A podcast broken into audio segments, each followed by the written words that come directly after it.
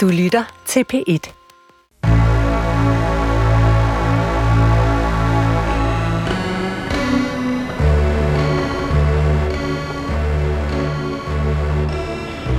Du har ringet til Hemmeligheder på P1.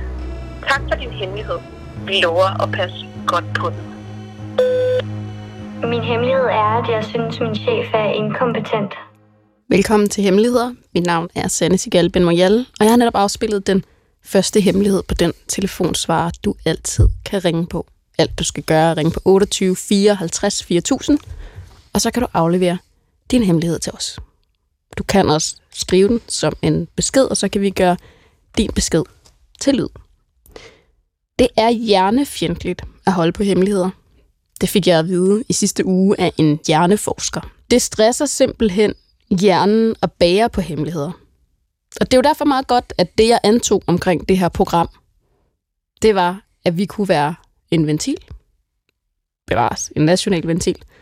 Men at man kunne aflevere sin hemmelighed, og så kunne man dermed leve præcis det samme liv før og efter.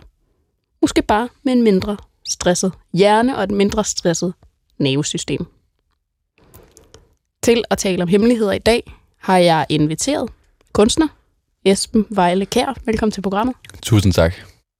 Jeg aner simpelthen ikke, hvad dit forhold til hemmeligheder er. Altså nogle gange, så har jeg jo en fornemmelse af, øh, at dem jeg sidder overfor, fordi de har delt meget ud af deres liv, eller sådan, så har jeg en fornemmelse af, sådan, hvor står de egentlig i forhold til hemmeligheder. Men jeg har faktisk ikke nogen sådan følelse af, hvor du...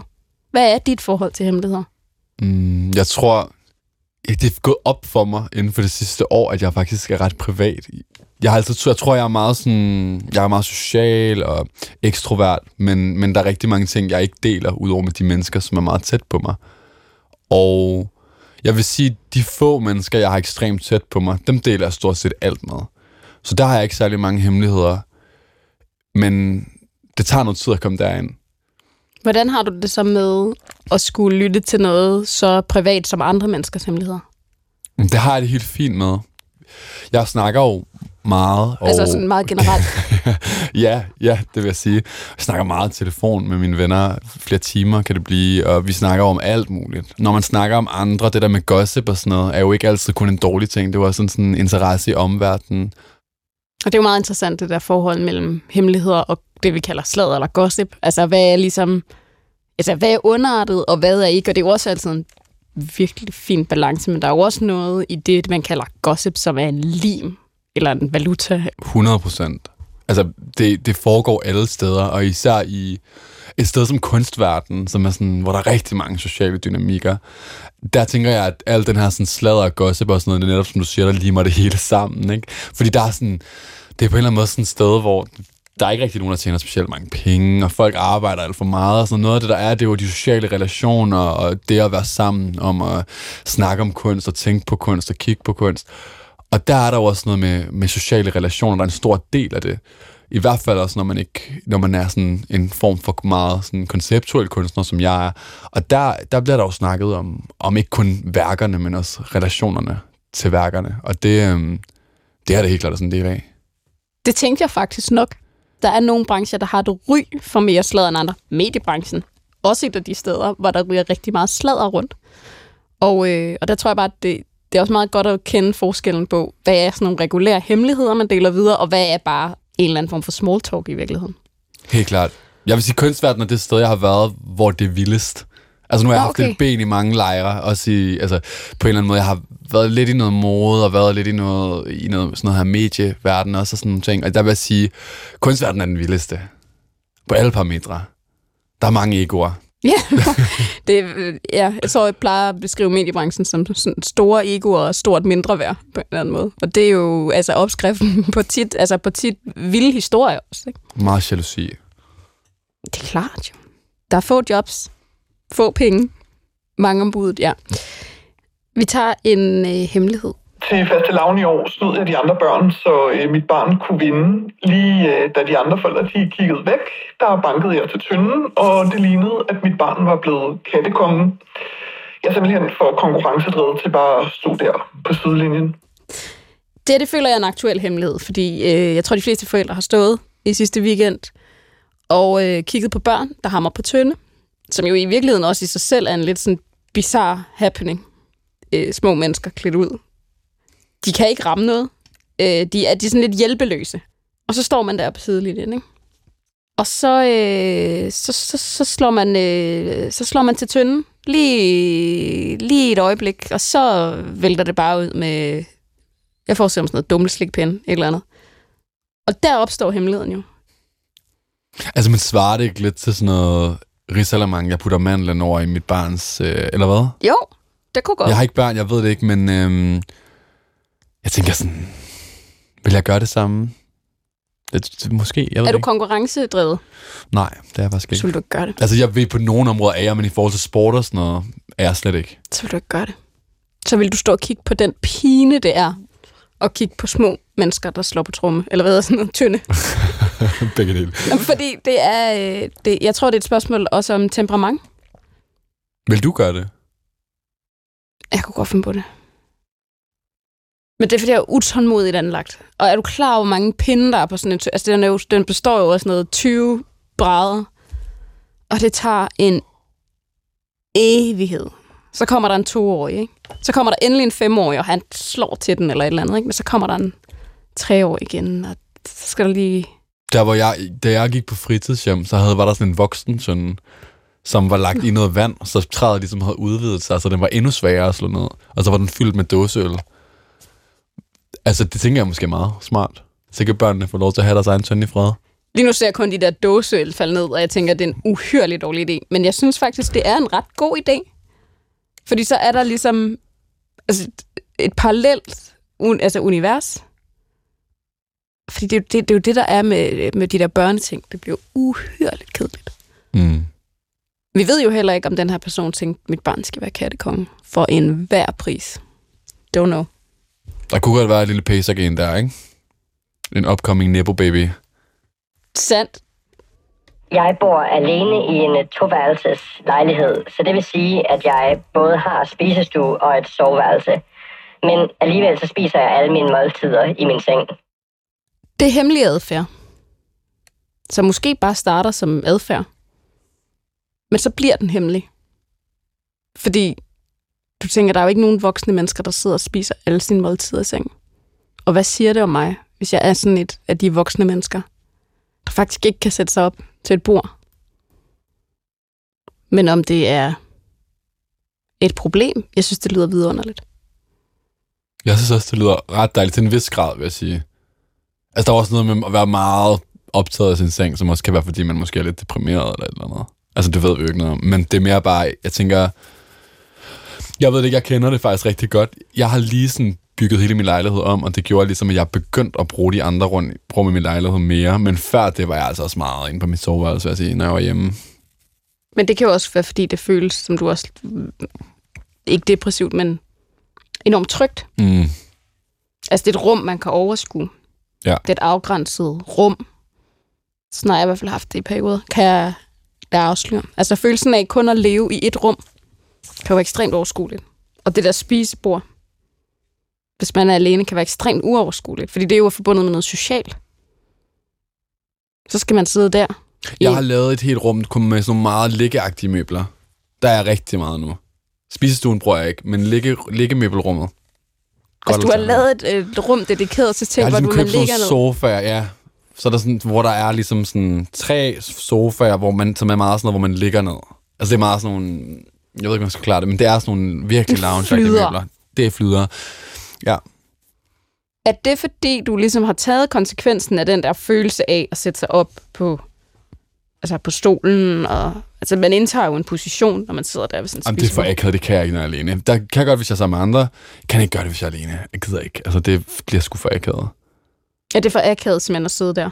Ja, jeg synes, jeg I bruger så meget tid på, ellers så skulle være formel i alle mulige sammenhænge, hvor at sådan, hvis jeg er hjemme og bare spiser mig selv, så vil jeg hellere sidde og læse lidt øh, og sådan, se noget fjernsyn, mens jeg spiser. Eller sådan. Jeg tror, det er mere sådan, det er ikke den måde, jeg er sammen med mig selv på. For der er jo også noget, der er jo noget enormt ordentligt. Altså, og sådan, altså ikke renligt, men ved at sætte sig, du ved, sætte sig til rette, skabe måltid for sig selv og sådan noget. Og der kan jeg godt lide, der har du introduceret det, der bare hedder flyderen. Altså, at alle møbler i et rum, altså er det modsatte af, af noget formelt og noget det er ordentligt. Det fedeste rum. Altså det er bare sådan, de der giga sådan her møbler, som er sådan lidt voldsomme, og så bare bogreoler. Der er jo noget med rum. Altså det der med, sådan, nu har vi sidder i det her rum. Der er masse studier i Danmarks Radio. Nogle af dem meget moderne, Mm. med sådan nogle kameraer, der kan zoome ind og op, og lige så snart du siger noget, så sådan helt Darth Vader-agtigt følger de der og sådan noget. Og så er der det her studie. Det er et klassisk P2-studie, har hyggeligt. Har ikke smukt, men har hyggeligt. Det er jo følelsen af flyderummet. Præcis. Man bliver nødt til at sådan sige til sig selv, hvordan man gerne vil være. Altså fordi det, hvis, hvis den her person, der har sagt det her, ligesom reelt gerne vil noget andet, så skal man ligesom skabe det rum for sig selv. Jeg vil også gerne være lidt mere businessagtigt. Så købte jeg nogle gamle borer fra et firma, der var gået konkurs i Indre By til mit atelier, sådan nogle Helsinkebøger borer, hvor man kan sådan køre dem op, og så kan du sådan stå og have sådan et arbejdsmiljø. Og øhm, det har sgu også været meget fedt. Altså det der med sådan, du ved, lige gøre noget. Man Altså, du tænkte, du ville være sig mere hedder det. corporate? Det hedder et eller andet. Øh, Notche? ja. Ja, du tænker, at hvis det reelt er et problem, prøv at hvis det er en god hemmelighed, så skal man bare fortsætte. Men hvis det reelt er sådan et problem om, at man måske mangler noget struktur i sit liv, Mm. eller at, ja, at man sådan mangler at formalisere, eller, øh, så, øh, så man notche sig selv.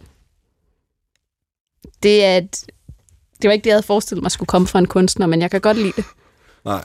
Det, ja, det tror jeg sgu... Øhm, vi lever bare i sådan en tid, ikke, hvor man skal sige, så hvis man ligesom siger sådan, jeg er model, så bliver du det nok også, ikke?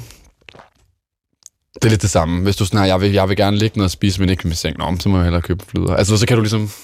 Ja, Jeg ved ikke, om det er rigtigt, men det er i hvert fald det, der kommer, kommer først op på lystavlen, som man siger, ikke? vi tager en hemmelighed mere. Min hemmelighed er, at jeg er lidt lun på min mands rigtig gode ven, som også er min gode ven. Hvis jeg havde en, jeg måtte være sammen med i hele verden, er det nok ham og ikke Ryan Reynolds, som ellers er uff. Jeg elsker min mand, og jeg kunne aldrig finde på at være utro, men tanken om vores ven strejfer mig dagligt. Der er mange volder i den her hemmelighed. Jeg elsker delen med Ryan Reynolds. Uff. Ja. Og fordi alle har et, så sådan noget, om hvis du havde et, hvis du havde et fripas, og så er de siddet, og så har hun sagt Ryan Reynolds. Men det, hun i virkeligheden tænker på, det er hendes mands ven, som hun, hvis hun måtte vælge i hele verden, og Ryan Reynolds er også her i verden, så vil hun vælge ham. Tror du, det er, fordi det er vennen? Eller tror du også, det ville være sådan, hvis personen ikke var ven med kæresten? Med hendes mand? Jeg tror, det er, fordi det er ham. Altså, jeg, jeg, jeg tror ikke, det er, fordi han er vennen. Jeg tror, det er, fordi det er ham. Hvis der er nogle mennesker, du er fascineret af, Mm. så kan de jo blive grimmere eller smukkere, når du kender dem. Ja. Jeg forestiller mig, at vennen her er en, er en, hun er tiltrykket af, og så lærer man vennen at kende. Og der bliver det farligt, ikke? Fordi han lyder som et menneske åbenbart for hende, der bliver smukkere af at kende ham. Og så er der jo det med, med, med en mands ven, de kommer hele tiden forbi. Hele tiden. Og det er en hemmelighed. Eller hvad? Kan man sige det? Kan man sige det i et forhold? Det kommer jo an på forholdet. Ja, det kommer jo an på forholdet, ikke? Hmm. Kan man sige det? Om jeg mener bare en mands ven, det er meget nært.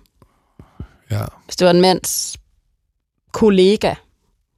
Men det er en mands ven. Ja.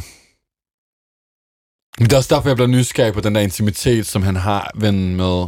med, med Når med manden. ja. Altså, forstår du, hvad jeg mener? Måske. Altså, fordi det kan jo godt være... Hmm, hvis der er nogen, man er meget tæt på, og man elsker, som har et meget tæt bånd med en anden person, så kan man den fascination smitte, ikke? Nå, altså bånd, båndet, altså det bånd, de har, kan smitte. Ja, det, Det for- det jeg mener med intimiteten, ikke? Altså det er Ja. det, i forhold til sådan, hvor projicerer du det hen? Fordi der vil jeg måske også finde ud af sådan, det der med at være tiltrukket og sådan nogle ting, kan jo være mange ting. Øhm, hmm, jeg prøver bare måske at tænke, jeg tænker på det der begær, hvor er det lige, det ligger, og, og hvorfor, ikke? Det er rigtigt, man kan også godt nogle gange blive lidt forelsket i andre menneskers dynamik. Ja. Altså at det bånd, eller den intimitet, der er mellem dem. Præcis. Det er lidt det samme som lidt, når jeg sagde tidligere, men det der med, at det jo opstår ikke bare af sig selv. Altså, begær sker jo ikke bare ud af det blå. Altså, det er jo, også, det er jo noget, vi får plantet i os på en eller anden måde. Ikke? Og de mennesker, der er tæt, meget tæt på os, påvirker det jo. Altså, det kan sagtens være, at hvis det havde været... um, Hvis vennen havde arbejdet nede i Netto, så havde det været det samme. Men jeg er ikke sikker. Ej, men altså, der er jo helt klart også et forbudt element. Altså, det er jo, at der er ikke noget, du kan gøre, der er mere forbudt, end at gå med din, med din mands ven. Altså, det er den ultimative. Måske med din mands bror vil være vildere, men, men det er bare forbudt. Ja. Og så kan man jo sidde der til parmiddagen og kigge på vennen. Så tænke, jeg ringer til hemmeligheder. Det er også det, jeg godt kan lide. Jeg kan godt lide at tænke over, hvor folk har været, når de har ringet til vores telefonsvar. Ja. Har der lige været en par middag, ikke? hvor den der energi, den der, der gør, at du har summen i benene, og ikke rigtig kan sove, og så ringer man herind, for lige at sige det. At jeg kan godt lide at tænke over, hvad folk, hvor folk er. Det er sådan skriftestolsagtigt, ikke? Ja. Jeg, jeg, under corona var jeg i Rom, øh, da der var lockdown i Danmark, og der sad jeg nogle gange inde i, nogle forskellige kirker og kiggede på de folk, der gik ind i skriftestolen. Og så den lettelse, de havde, når de gik ud, de havde ansigt, hvor man nærmest kunne se det sådan fysisk på, hvordan de holdt deres krop. Hvordan så de ud, inden de gik ind? Bare lettere. Altså, du ved, Nå, altså, når de kom ud. når de kom ud. Ikke, at de sådan så overdrevet tynget ud, når de gik ind. Det var ikke på den måde, men der var ligesom sådan en optimisme, den der lettelse, jeg har sagt noget højt, er jo sådan den mest effektive måde at bearbejde noget på, ikke? Så jeg forstår virkelig godt, at man har et møbel til det. At der ligesom er sådan en, en form for arkitektur, der ligesom faciliterer den handling der, og sin hemmelighed højt. altså, nu snakkede vi med en hjerneforsker sidste uge, og det er jo det der med, at det er stressen, altså både for hjernen og for nervesystemet, og bære rundt, altså især på tunge hemmeligheder. Det er klart, at du er hemmeligt forelsket i en, og det bare kilder i maven, så er det jo fint. Men alle de der t- lidt tunge hemmeligheder er stressende. Altså, du vil kunne måle på blodet, du vil kunne måle på hjernen, og kunne se, det er, det er stressende. Og det er jo klart, fordi det er jo sådan, det er jo sådan en trykkår. Altså, og der øh, mangler vi jo bare i, den, altså, i det danske samfund sådan en, øh, ja, en skriftestol. Mm. Ikke, jeg har slået nogen ihjel, men alle de her små, med, der er forelsket i min mands ven. Og alle de der små hemmeligheder, som kan blive ret store, hvis man ikke får dem ud. Mm. Sjovt, du har siddet der og kigget på folk. Om jeg elsker skriftestol, jeg ved ikke, hvad det er. Det kan være, det giver mening på et eller andet tidspunkt. Men det er sådan... Jamen, lige nu er det bare en fascination. Ja. Vi, øh, vi skal tage en hemmelighed nu, som jeg lige øh, spiller først, og så har vi lytteren med på telefon. Hej. Jeg har en øh, vidunderlig svigerdatter. Øh, hun er smuk og skøn og klog og dejlig, og hun er bare fantastisk med min søn.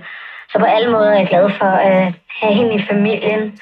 Øh, min hemmelighed er, at jeg kan ikke fordrage alle hendes tatoveringer. Og det kunne jeg aldrig drømme om at sige til hende. Men øhm, det bliver ved og ved, og, øh, og jeg ved, hun samler ind til flere, og de er op og ned af hendes arme, og på hendes hænder, og på ryggen, og på benene, og hun er bare... Altså, jeg synes bare, det er så ærgerligt fremadrettet i, i forhold til mange ting. Så øh, det er min hemmelighed. Jeg kan ikke øh, lide tatoveringer, og der bliver bare ved med at komme flere. Velkommen til programmet. Tak, jeg får det da helt dårligt af at høre, hvad jeg har indtalt. Men ved du hvad, det er, jo, det er jo sjovt det der med, når vi har folk igennem, der lytter til det, de selv har sagt. Og sådan tror jeg Ja. at alle mennesker, der jo er i radioen, tænker jo også, gud, lyder jeg sådan her, og hvor, hvad er det for noget, jeg får sagt? Men jeg forestiller mig også, det er lidt specielt at tale til en telefonsvarer. Ja, og så tager man sig lidt sammen. Men det er ordet fordrag, jeg bliver sådan helt dårlig over, for det er faktisk ikke sådan, jeg har det, at jeg ikke kan fordrage tatoveringer, eller jeg synes, de er grimme alle sammen. Det er en helt anden bekymring, jeg går med. Men det var så det, der kom ud lige på det tidspunkt, kan jeg høre. Og hvad tænker du faktisk om tatoveringer? Altså, jeg kan godt lide tatoveringer. Jeg har faktisk en selv. Øhm, det, der kom ud der, det var, at jeg har en bekymring for, at, at hun bliver ved med at få, og hun har rigtig mange. Og min bekymring går på, at jeg er bange for, at andre dømmer hende for det. Mm. Altså, når vi kigger fremadrettet. Øh, når hun finder ud af, hvad hun vil lave. Altså, i dag er det jo mere normalt at have tatoveringer, det er slet ikke det. Øhm, og jeg synes, tatovering er spændende, for tit så fortæller de en historie. Øh, men det der med, at det ingen ende har, og ja, jeg er bekymret for, når hun finder ud af, hvad hun vil lave, om der så er andre, der tager afstand fra hende. Hvad, hvad tænker du, Esben? Jamen, øhm, jeg forstår egentlig godt din bekymring. Altså, jeg har også haft den i forhold til mig selv. Jeg vil gerne have rigtig mange tatoveringer, dengang jeg var teenager, og jeg fik dem ligesom aldrig. Men jeg har ikke en eneste tatovering. Og det er jeg sådan helt vildt glad for nu, fordi alle de tatoveringer, jeg, har virkelig godt kunne tænke mig, dem har jeg virkelig ikke lyst til at have i dag. Men der er jo det der med også at være bekymret på andres vegne, som jeg synes er lidt spændende, men tænker du, altså er det sådan, er det reelt, hvordan du tror om verden kommer til at se på det her menneske? Er det, er det der, den ligesom, er det det, den står og falder på?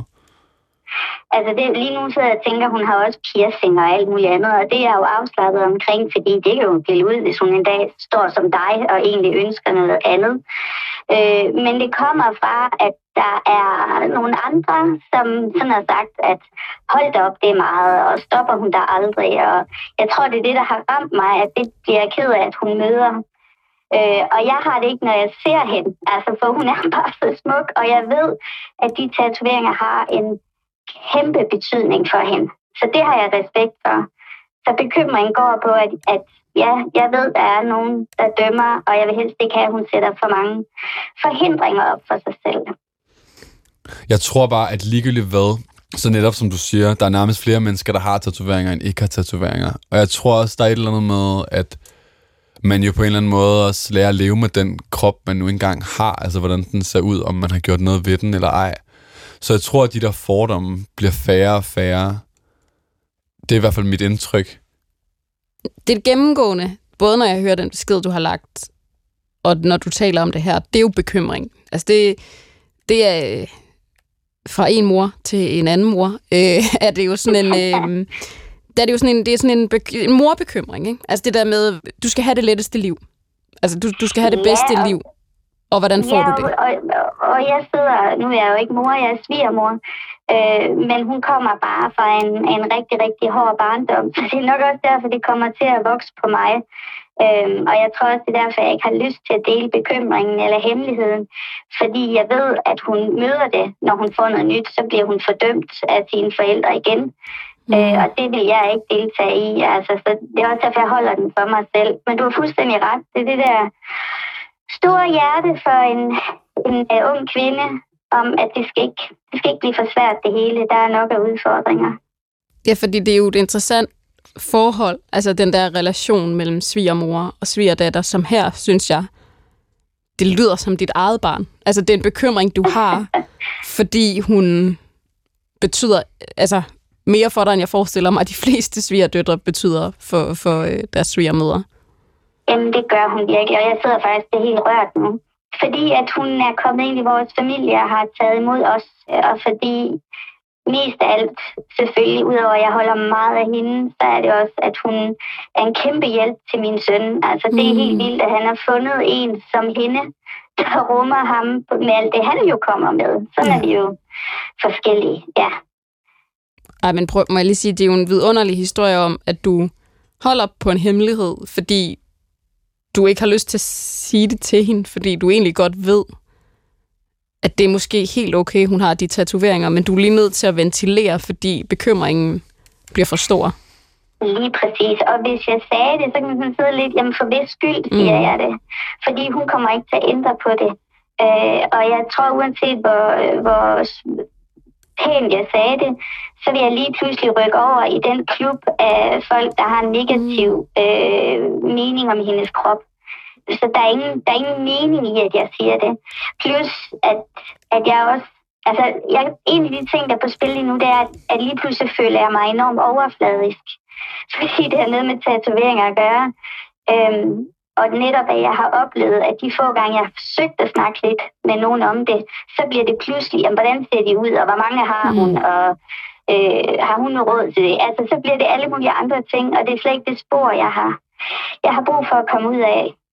Ja, så bliver det løsningsorienteret og lavpraktisk, og Ja, og en dom. ja, og du Ja. er hendes frirum.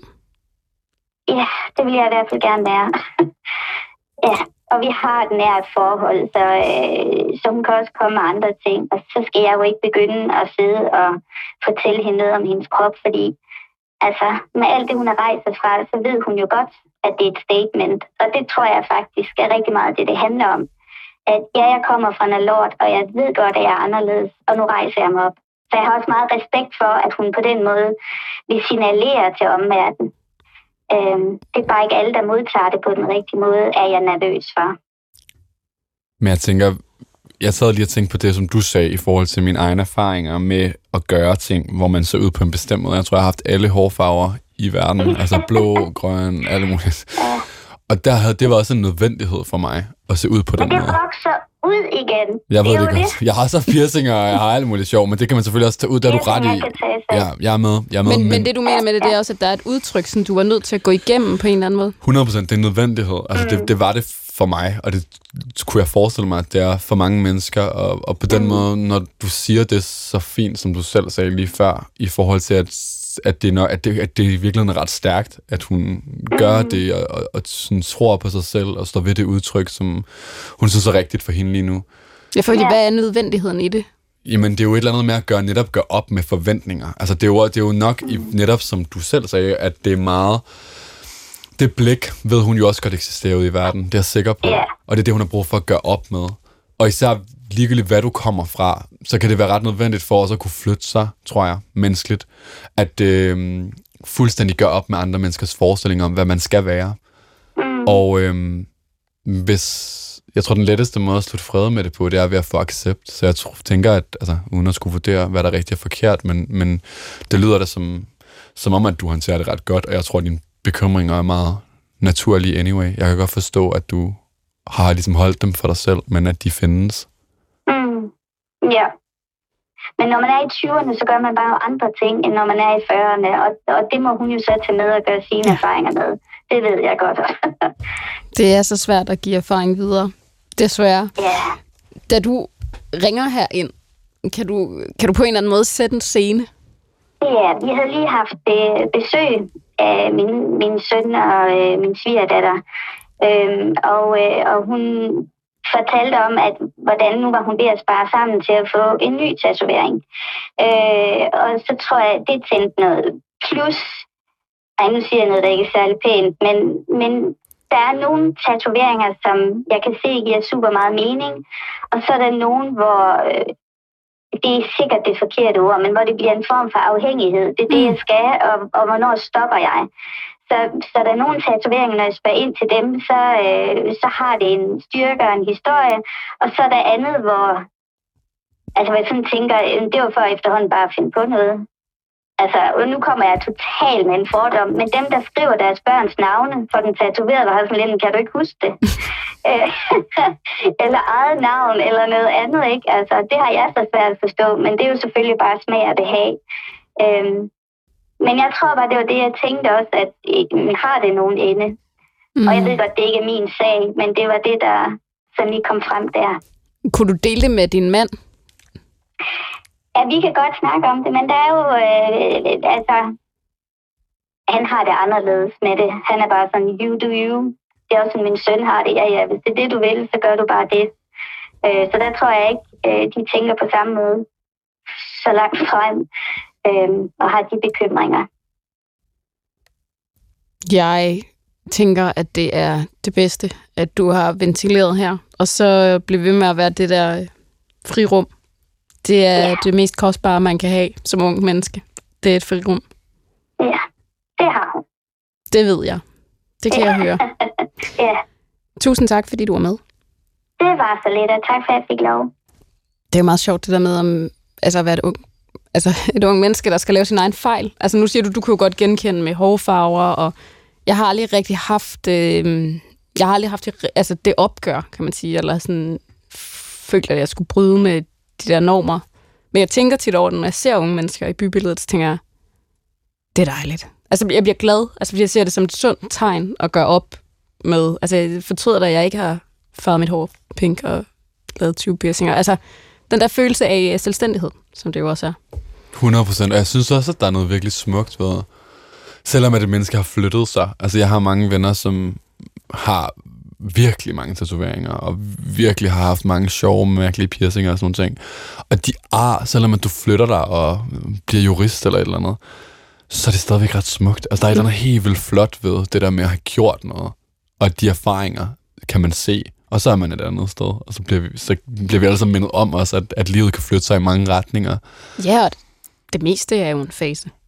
Noget er, og selv hvis det ikke er, selv hvis du er glad for, for dem, når du, altså den dag du skal dø stadig, og de betyder lige så meget for dig, og det samme for dig, så er det jo bare fantastisk, og så er du ikke fortrudt noget. Men på den måde, så kan man sige, ligegyldigt hvad der kommer til at ske, så skal det jo nok gå. Altså i det mindste har man gjort noget, man troede på i et øjeblik. 100 procent. Jeg tager lige en hemmelighed mere. Min hemmelighed er, at jeg siger til alle, at jeg laver velgørenhed hver uge for at fremstå som et bedre menneske. Men øh, i virkeligheden har jeg ingen intention om at gøre noget for nogen som helst. Jeg siger, at jeg laver velgørenhed jamen nærmest hele tiden jo. Hver uge.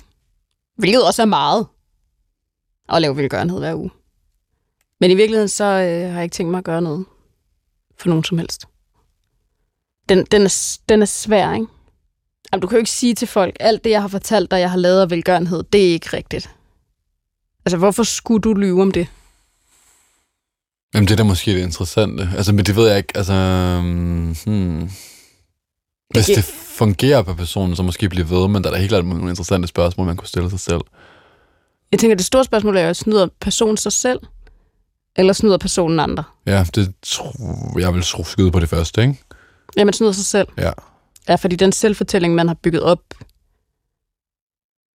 Men det er måske... ja. Ja. ja, det tror jeg. Og det er måske, men det er også noget med, det taler ind i noget i samtiden, ikke? Hvor, hvor det er en stor valuta at være meget korrekt og, og gøre det rigtige, ikke? Så der er sådan en... Der er sådan en jeg, der er meget sådan en... Det moraliserende har en meget bestemt valuta, ikke? Og, og det kan måske godt tale ind i det. Jeg tror faktisk, det her eksisterer meget mere, end vi tror. Øhm, især i byerne. Og jeg tror, at den der måde, vi går rundt og skaber en selvforståelse og fortæller andre, og får andre folk til at gøre det samme, jeg tror virkelig, det er selvforstærkende. Ikke? Jeg tror, at det er lidt for, eller farligt. Jeg tror, jeg tror, det vil være meget godt måske at udfordre det hos sig selv, ikke? og prøve at finde ud af, hvad er det, jeg har brug, hvorfor har jeg brug for at fremstå på den her måde?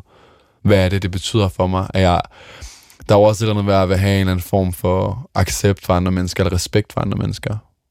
Hvorfor, eller hvor, hvor, hvor kommer det fra? Jeg tror, det er, jeg tror, det her spørgsmål er virkelig interessant, synes jeg, fordi jeg tror, det er meget mere sigende om, om, om en kultur, vi lever i lige nu, end man måske først lige skulle tro. det er, altså jeg tænker også, det er sådan et sign of the times, altså det er et virkelig interessant øh, samtidsspørgsmål. Kan du egentlig, altså kan du forstå, hvorfor man har brug for at lave den sådan selvfortælling? Ja. Jeg ved det ikke, det er jo et eller andet med... Hvis, det skulle, altså hvis man virkelig mente det, så ville du jo gøre, så ville du jo gøre det. Altså sådan, det er jo ikke så svært, er det jo ikke at gøre. Nej. Men det er jo ikke det, det handler om. Det er en attitude, det er en måde, man gerne vil, vil ses på, ikke? Det er ligesom, hvis den måde, du laver aktivisme på, er at repost noget på din Instagram-story, som nogle andre har skrevet, ikke? Det er også en ekstremt nem position at tage, for du behøver ikke at mene noget selv. Du kan bare mene, det er noget, nogle andre mener. Og så har du, har du ligesom den valuta på dig alligevel, ikke? Eller det smitter af. Og jeg tror, mm, det bliver sådan en attitude-ting. Ja, hvis det var mig, ville jeg skulle nok prøve at udfordre det lidt. Altså udfordre sig selv Ja, på selvfortællingen. ja. 100 procent. Og hvad det er, hvad er det for en accept? Altså, hvis det bunder i en eller anden form for accept fra nogle andre, hvorfor?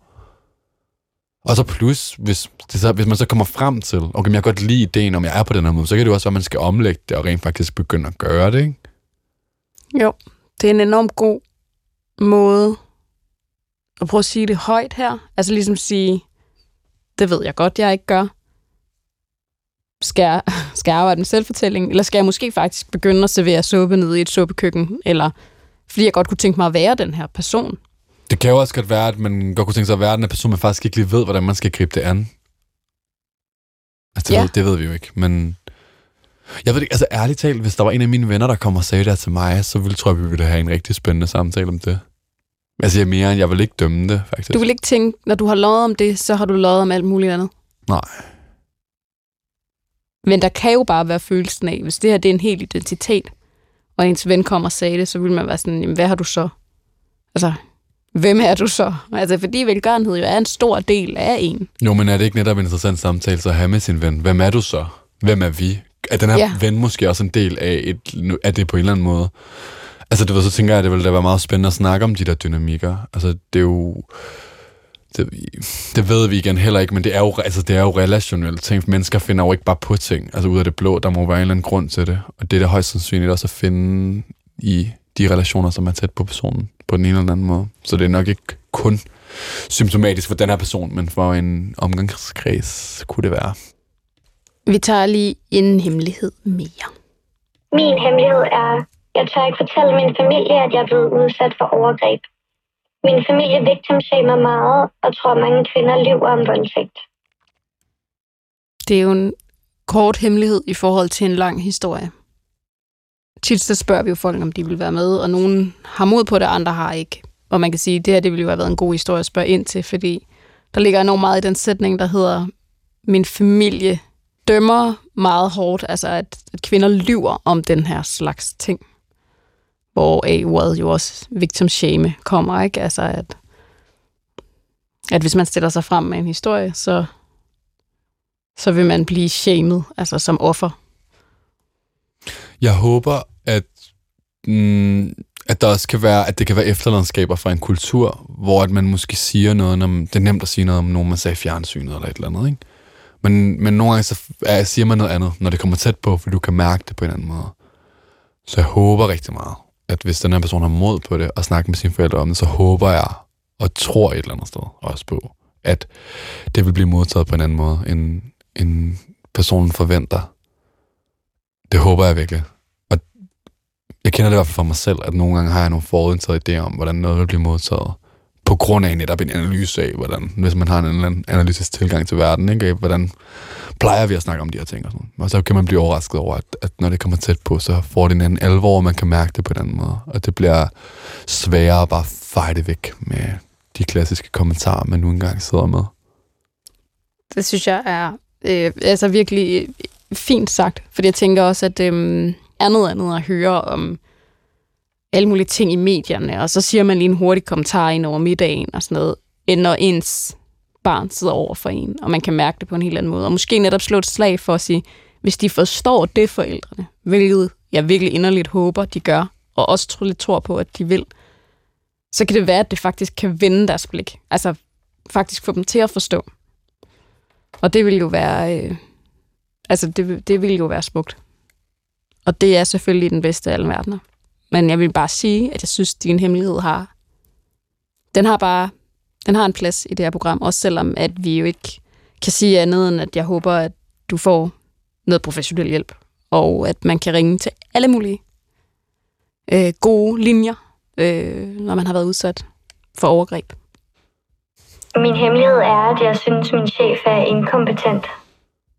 Igen er det jo det maksimale i det minimale. Altså, det er en meget kort sætning. Jeg synes, min hemmelighed er, at jeg synes, min chef er inkompetent. Og der må jeg sige, det tror jeg, der er rigtig mange, der har som hemmelighed derude. Fordi chefrollen er svær. Altså, jeg forestiller mig, at det er meget, meget svært at være nogens leder. Jeg kan kun tale om, at det er meget, meget svært at være ansat. Har det meget svært med folk, der bestemmer over mig generelt. Men jeg forestiller mig, at det er en hemmelighed, som rigtig mange mennesker derude bærer rundt på. Fordi man ikke kan sige det. Fordi hvis du siger det på en arbejdsplads, så skal du være sikker på, at du siger det til de rigtige. Tror du ikke, vi alle sammen har lidt et problem med autoritet også? Et eller andet sted. Altså, i det her lille lukkede studie, jo. Men nej, generelt, tror jeg. Jeg tror, det, det er noget, vi i vores cirkler har. Okay.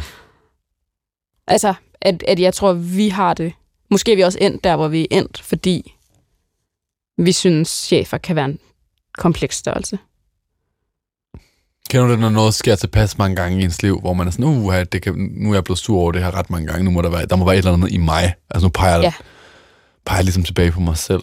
Ja. Der sad de præcis med det der, hvor jeg var sådan, og i de her forløb, så har jeg ligesom oplevet, at nu er jeg blevet sådan irriteret på den samme måde, på sådan alle, der har bestemt over mig den sidste halve år.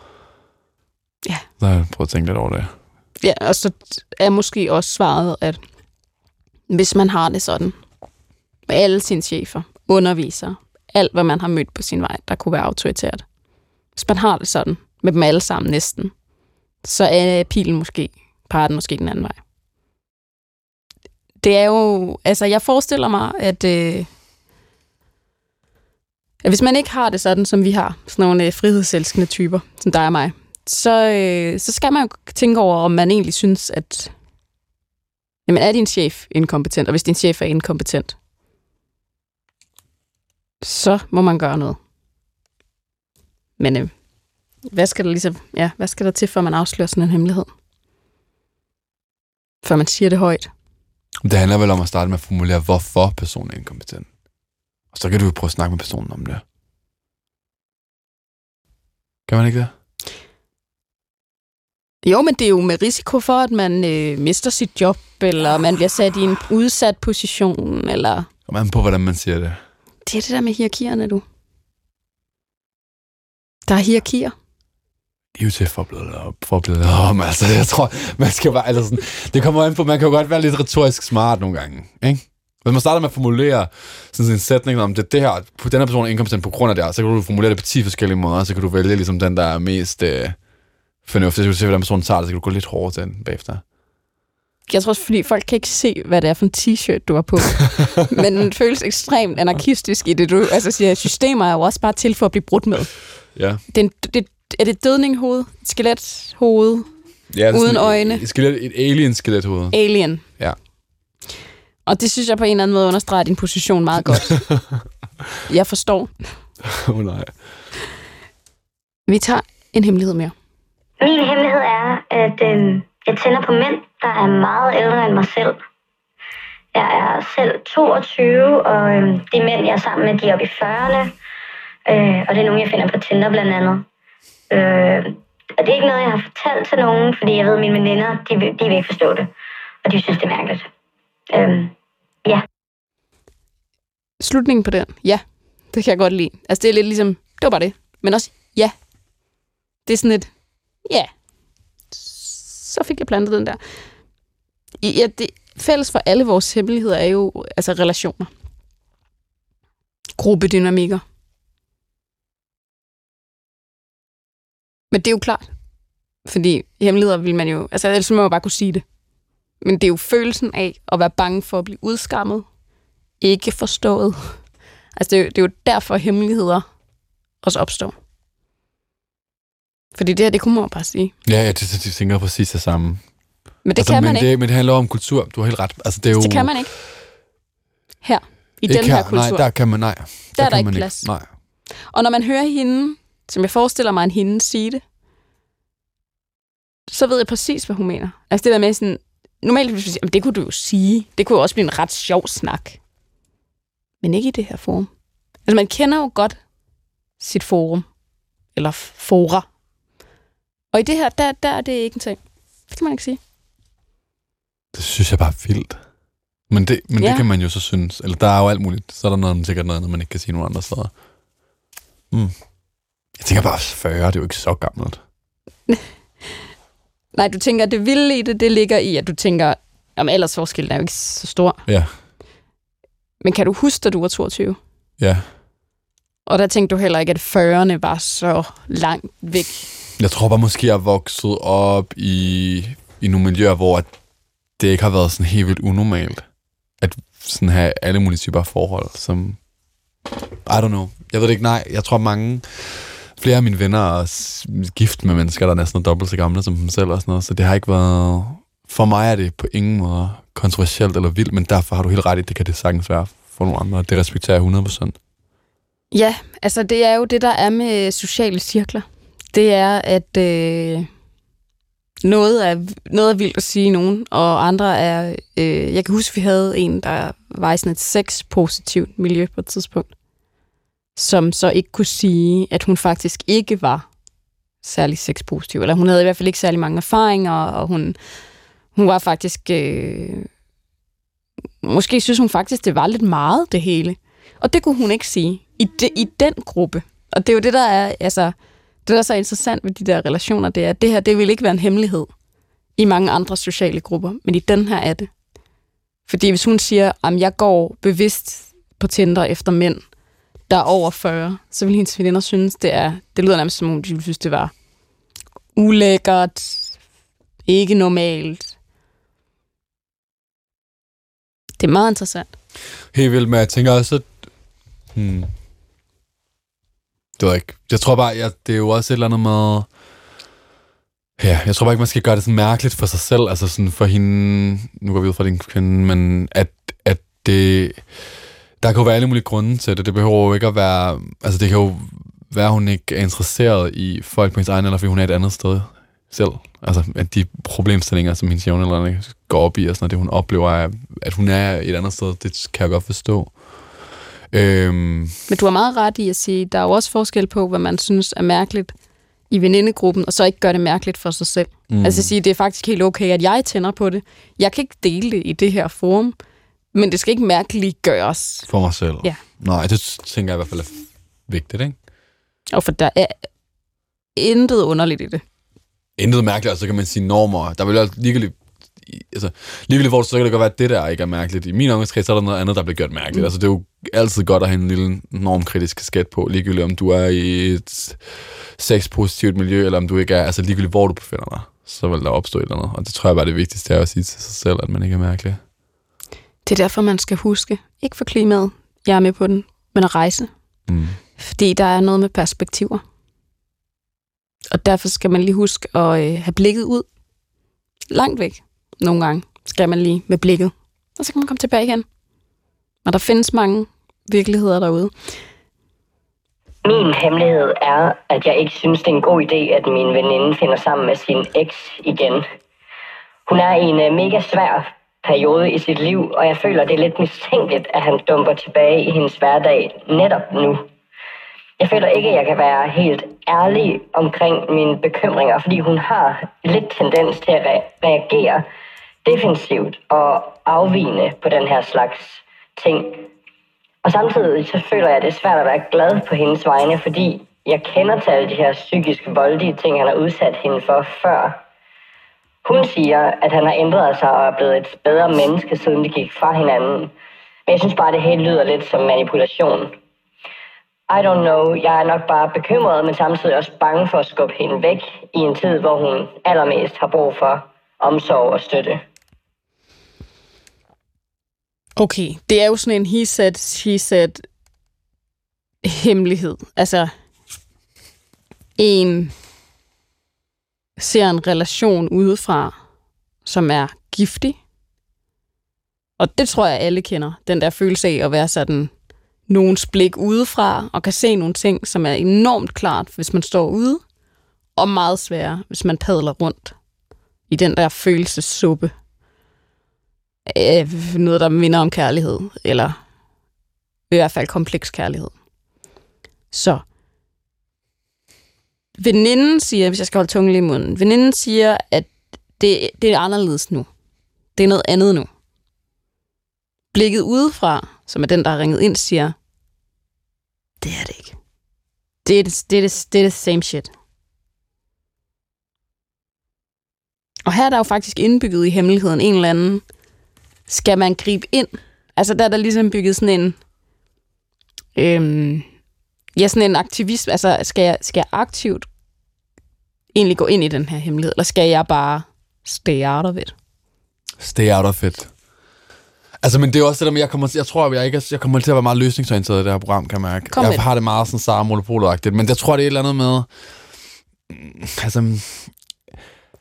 Ej, det skal, man skal holde det der for sig selv. Altså, man skal man må så til sine egne erfaringer. Også fordi der er alt muligt råd. Altså, jeg kan huske... Min søster sagde engang til mig sådan et eller andet med sådan, du kan aldrig lide min kæreste, hvilket ikke er rigtigt, det kan jeg godt.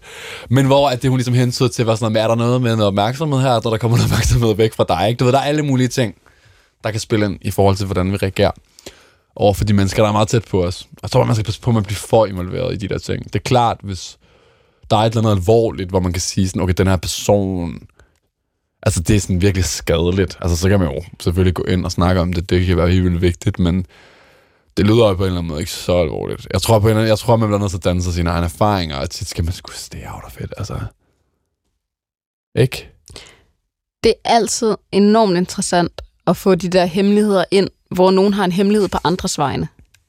Fordi det er jo det der med, hvor mange følelser er der egentlig? Altså, hvad hvis man tog alle følelserne ud af ligningen? Og det kan man jo ikke. Og ligesom din søster siger, er der... Er din dømmekraft egentlig... Altså, er den egentlig god nok? Ikke? Og det er jo det der med, hvis man, hvis man blander sig, så skal ens dømmekraft jo også være forholdsvis god. Altså, det skal være forholdsvis rigtigt. Det er også det, du mener. Altså, at graden skal være alvorlig nok til, at man blander sig. Ja, og det er måske den tvivl, som der ikke er i spørgsmålet. Altså, sådan, det er dårligt, eller det er manipulerende, hvor man er sådan, jamen, det er, du, er du sikker på det? Kunne man have en lidt mere spørgende, mindre sort-hvid idé om det her forhold? Altså som en tilgang til det, ikke? Altså fordi, jeg vil i hvert fald blive bekymret over, hvad, altså, ved jeg, hvad der er rigtigt og forkert? Jeg skal huske, at hvis man blander sig rigtig meget i nogens forhold, så skal man også være klar til at gribe dem. Altså, så skal man invitere dem hjem i den store, øh, flyder, store flyderrum, ikke? og så skal de kunne øh, sove der 24-7 de næste... Altså, jeg mener bare, hvis man gør det, og tænker, jeg blander mig så meget, at det har en effekt på nogens liv, så skal man virkelig også være... Altså, så skal flyderrummet åbnes med de helt store fløjter. ja, og så kan man sige, du ved, hvis man så giver det et skud, så kan det være, der bliver endnu mere brug for at blive grebet på et eller andet tidspunkt, ikke? Altså, det kan jo ikke helt gardere sig mod. Lad os lade den ligge der. Og så er vi jo faktisk nået til et sted i programmet, hvor, øh, hvor du skal fortælle et eller andet, som har en eller anden hemmelig karakter. Ja. Jamen altså, jeg havde nogle bobler med i mit lille hoved, og nu tror jeg, jeg beslutter mig for, at det skal være... Mm, nummer etteren, som ligesom er... Øh, jeg har, jeg har ligesom prøvet at tage kørekort de sidste to og et halvt år, og jeg er uddannet fra kunstakademiet, hvor jeg tog afgang i foråret. Der har vi ikke nogen eksamener, så jeg har ligesom ikke rigtig gået til eksamen i, i rigtig, rigtig mange år. Og så startede jeg med det her kørekort, og det triggede sindssygt meget af sådan noget folkeskoleangst i mig. Jeg har ligesom døjet meget med at have angst, og det er ikke noget, jeg har snakket specielt meget om. Også fordi jeg har det nogle lidt mærkelige steder. Altså det er ikke sådan noget, jeg kan sagtens snakke foran andre, og jeg kan alt muligt, men så er der også bare virkelig nogle sådan ting, jeg ikke kan. For eksempel at skulle sådan her, øh, vurderes på sådan en meget, der er, noget, der, er en, der er noget, du kan gøre rigtigt, og noget, du kan gøre forkert. Så i det her kørekortsforløb er jeg blevet sendt fuldstændig tilbage til folkeskolen. Og så mens jeg har været ude at køre, så når der er min kørelærer siger for mange gange i træk, hvad jeg har gjort forkert, så lukker jeg sådan i. Fordi jeg prøver ligesom at udskyde et potentielt angstanfald. Og så bliver det værre, for så lukker jeg i, så ved jeg ikke, hvor jeg er. Så var jeg ved at køre nogen ned ud foran lysjerne. Og sådan, du ved, det, så går det rigtig dårligt. Og øhm, det ved jeg ikke, det har bare taget to år for mig, det der. Altså sådan lange pauser, og det ene og det tredje. Og så havde jeg ligesom dagen, inden jeg skulle til køreprøve sidste gang, så stod jeg sådan og blev sat af nede ved Esbergære station, hvor jeg ligesom igennem sådan noget tre timer, tror jeg, den her køretime var. Det var frygteligt. Og så sådan, hvor jeg bare var lukket helt ind i mig selv og kom ud, og så stod jeg og havde sådan et giga-angstanfald, og bare sådan her hyperventileret bag sådan et mærkeligt skur. Og så hele hjem i toget prøvede jeg at lave sådan en vejrtrækningsøvelse, og jeg havde det frygteligt. Og øh, det fortalte jeg ikke rigtig nogen. Hvorfor? Jamen, det er sådan stolthed, tror jeg. Der er et eller andet ved det i hvert fald, hvor jeg sådan...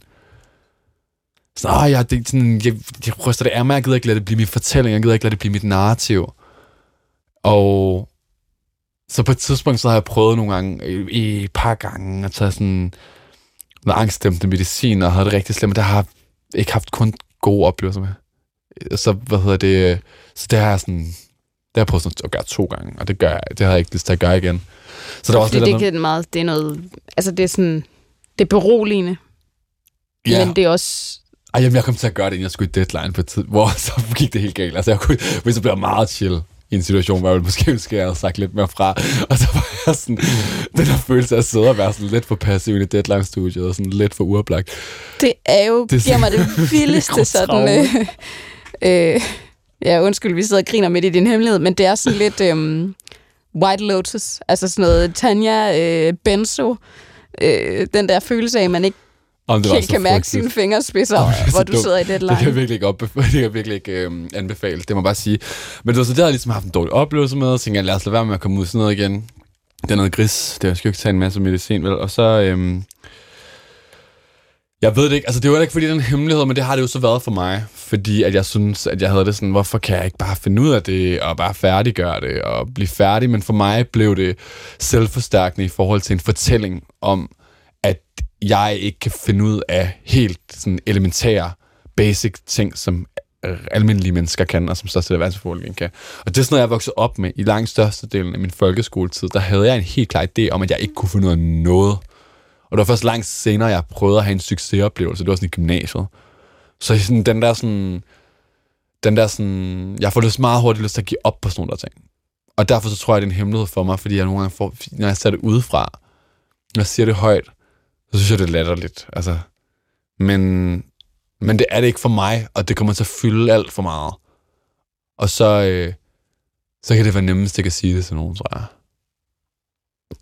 Det er klart, at lige så snart man siger det til nogen, så skal man jo både konfronteres med det blik, de har, når man siger det, og så skal man jo også på en eller anden måde følge op. Altså sådan, har du haft det igen, eller hvordan har du det nu, eller... Jeg synes også bare, det var så mærkeligt, for så dagen inden jeg skulle til køreprøve, så sådan der sagde jeg det til alle, hvor min veninde var så, måske du lige skal skrue ned. Altså lad mig sige det til alle, og så dumme jeg jo selvfølgelig. Men det var den der, hvor jeg var sådan, hvorfor går jeg egentlig rundt og siger det her? Jeg sagde det til sådan 100 mennesker, tror jeg, eller et eller andet. Hvor det var sådan helt vildt mærkeligt. Men det var sådan et behov. Nu skal jeg det her. Ja, det er i hvert fald et øget pres, Jeg, må jeg man sagde, sige. Jeg sagde jo ikke til nogen, at jeg ligesom havde fået et giga angstanfald dagen inden. Altså, du ved, det er, sådan noget, det er nogle gange det der med, hvad er det ligesom, man synes er, er hemmeligt i, over, i hvilket type rum og sådan noget. Det tror jeg er noget Ja, det. og hvad holder man næsten hemmeligt for sig selv? Ja. Altså, at lige så snart man siger det højt, så har man jo haft et angstanfald på vej fra Esbjerg station til, til hovedbanen. Altså, så, så bliver det jo ikke det. Ikke? Det må man sige. Hvor det er det ikke helt lige så meget, hvis man bare har haft det, men ikke sagt det. Nej. Jeg synes, vi skal slutte af der, hvor jeg kan sige, at du faktisk har fået kørekort. Jeg har fået kørekort i dag. I dag. så fedt. Altså, det er jo en enormt fin afslutning. Fuldstændig. Jeg er så glad. To år inden Ja. fik du dit kørekort i dag. Ja. Og tillykke med det. Tusind tak. Og tusind tak, fordi du var med til at lytte til andre menneskers Tak fordi jeg måtte være med. Og tak, fordi I lytter med derude.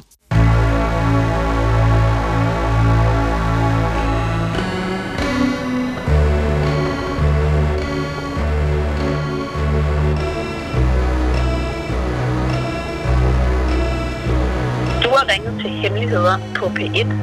Tak for din hemmelighed. Vi lover at passe godt på den.